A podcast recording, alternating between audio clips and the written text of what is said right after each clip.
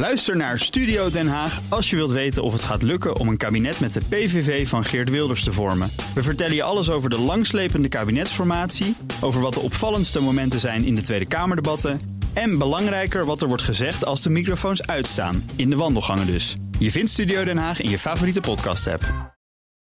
Auto-update. We gaan naar Nout Broekhoff van de Nationale Autoshow. Nout, goedemorgen. Goedemorgen, Bas. De autodiefstalcijfers zijn binnen. En ik kan nu al voorspellen, minder gejat. Minder gejat. Ja, coronacrisis. Ja. Auto's worden steeds beter beveiligd natuurlijk. Ja. Gedaald met eh, 9,5 procent, om precies te zijn. Dat meldt het eh, Landelijk Informatiecentrum Voertuigcriminaliteit, het LIF. Maar, er is altijd een maar natuurlijk. Hè. Auto's van drie jaar en ouder, die worden het meest gestolen. En daar is juist een stijging van 51 procent te zien. En bovenaan staat daar de Toyota CHR. Dus wij moeten ook oppassen, want dat zijn auto's die wij hierboven BNR-auto's. hebben staan. Hoeveel staan er nog boven? Nou, Nou, nu niet zoveel. Ik denk dat het best snel gaat. Ik neem er eentje mee op weg naar huis. Ja, maar je moet maar durven, hè, met BNR-striping erop. Hè. Dat is wel handig. Dan heb je echt ballen. Goed, het meest gestolen merk is Volkswagen... met de Golf op 1 en de Polo op 2. Ja, het is een terugkerend fenomeen natuurlijk. En hoogste diefstalrisico heeft de Lexus RX 450h.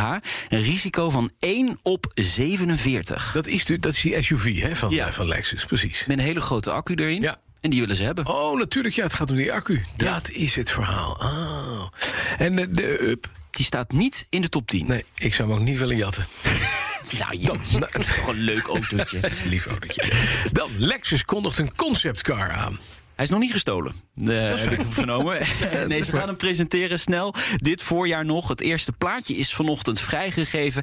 Ja, dat, dat is een schimmig beeld. Lexus staat heel groot in de grill. Je kunt er nog niet veel uit opmaken, maar ze zeggen wel... dit is het studiemodel dat de toekomst belicht van het merk. Hier gaan de volgende modellen op voortborduren. Dus ik ben benieuwd. Ik, ik ben ook benieuwd. En Ja. het punt is, de vorige keer dat we dat, dat, dat kregen, zo'n conceptcar aankondiging, hadden we ineens in de 11500. Misschien is het wel heel erg goed van- nieuws. Ja, Ja. Je zou zo, en als Lexus namelijk zoiets doet, Ja. dan is het niet alleen maar om te zeggen van... hé, hey, hallo, we, het, moet, het wordt weer eens tijd om een persbericht te sturen. ja, ja. Maar dan zijn ze echt ergens mee bezig. Ik denk dat jij de LC bedoelt. LF? De LC, Ja, de LC, LC, inderdaad. Ja, precies. ja, dat is echt een hele gave coupé. bak. Dan een verhaal wat jij afgelopen weekend ontdekte. Nieuws? Heb jij nieuws ontdekt? Ja, het is, een- het is een kroeg, of, of het is een kroeg open in de buurt, of er is iets anders aan Nee, nee, nee, nee. Het gaat over auto's. Nee, ik, ik ging hardlopen en ik was een podcast aan het luisteren. eh, Formule 1 aan tafel van Grand Prix Radio. En daar zat eh, Denny Donkervoort, de nieuwe baas van Donkervoort. Nou, eh, ze hebben natuurlijk de D8 GTO. Super gave auto, Spartaans, heel erg licht, veel pk, super auto. Maar de vraag was aan hem: ja, gaan jullie eigenlijk nog meer modellen maken dan alleen die D8 GTO?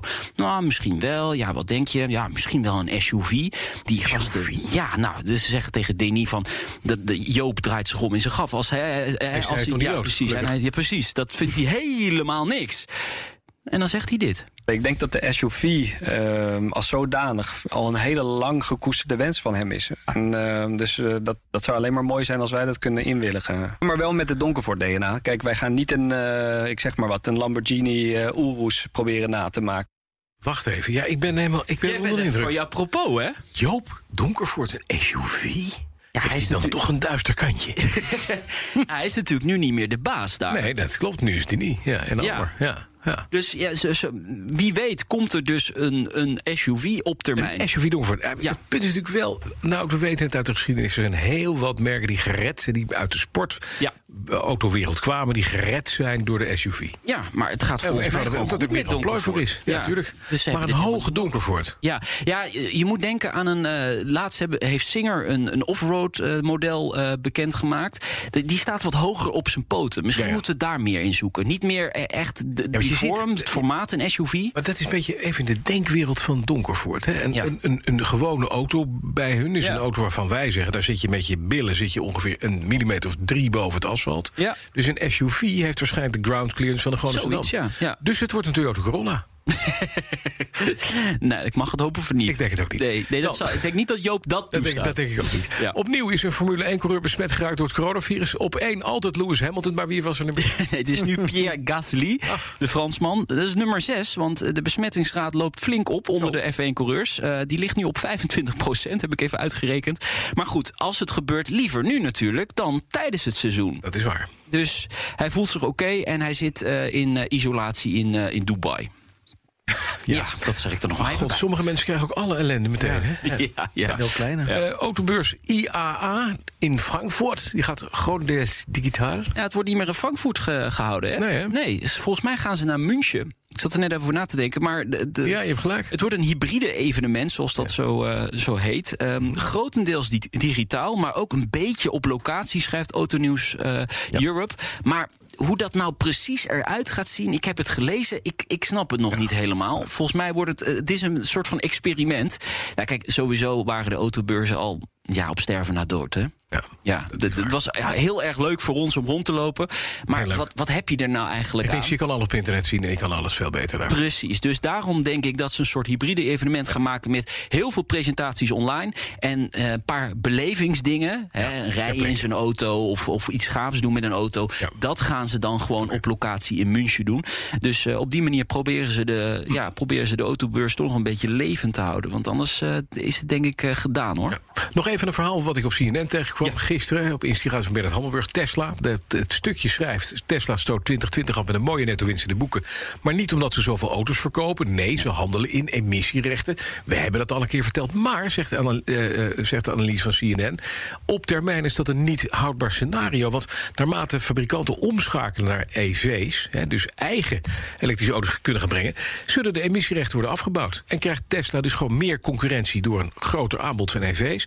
En minder opbrengsten van En dan moeten ze het hebben van auto's die ze bouwen. Er deden er vorig jaar 500.000. Het, het bedrijf is op de beurs evenveel waard als de 12 gezamenlijk grootste autofabrikanten die gezamenlijk 70 miljoen auto's bouwen. En zij bouwen er 500.000 en zijn net zoveel waard. Het is een kwestie van tijd, zeggen criticassen op CNN, voordat Tesla de boekhouding mag omgooien. Nou, Ze moeten in ieder geval gaan anticiperen dat op een gegeven moment die emissierechten, dat ze daar niet Geen meer. verdienen. Nee, precies. Het grote, eh, de grote omzet. maar dan is de vraag: kunnen ze geld verdienen met auto's bouwen? Want er moet nu bij elke auto die ze bouwen gewoon geld bij. Opschalen. Opschalen. Opschalen. Ze moeten gewoon, dat, dat is ook wat, wat je toen zag bij de Model 3, hè, die moest gewoon uitgeleverd worden. Hoe? Dat maakt niet uit. Ze hebben er volgens mij een tent neergezet waar ze, Ja, eh, ze die auto's gebouwd. Precies.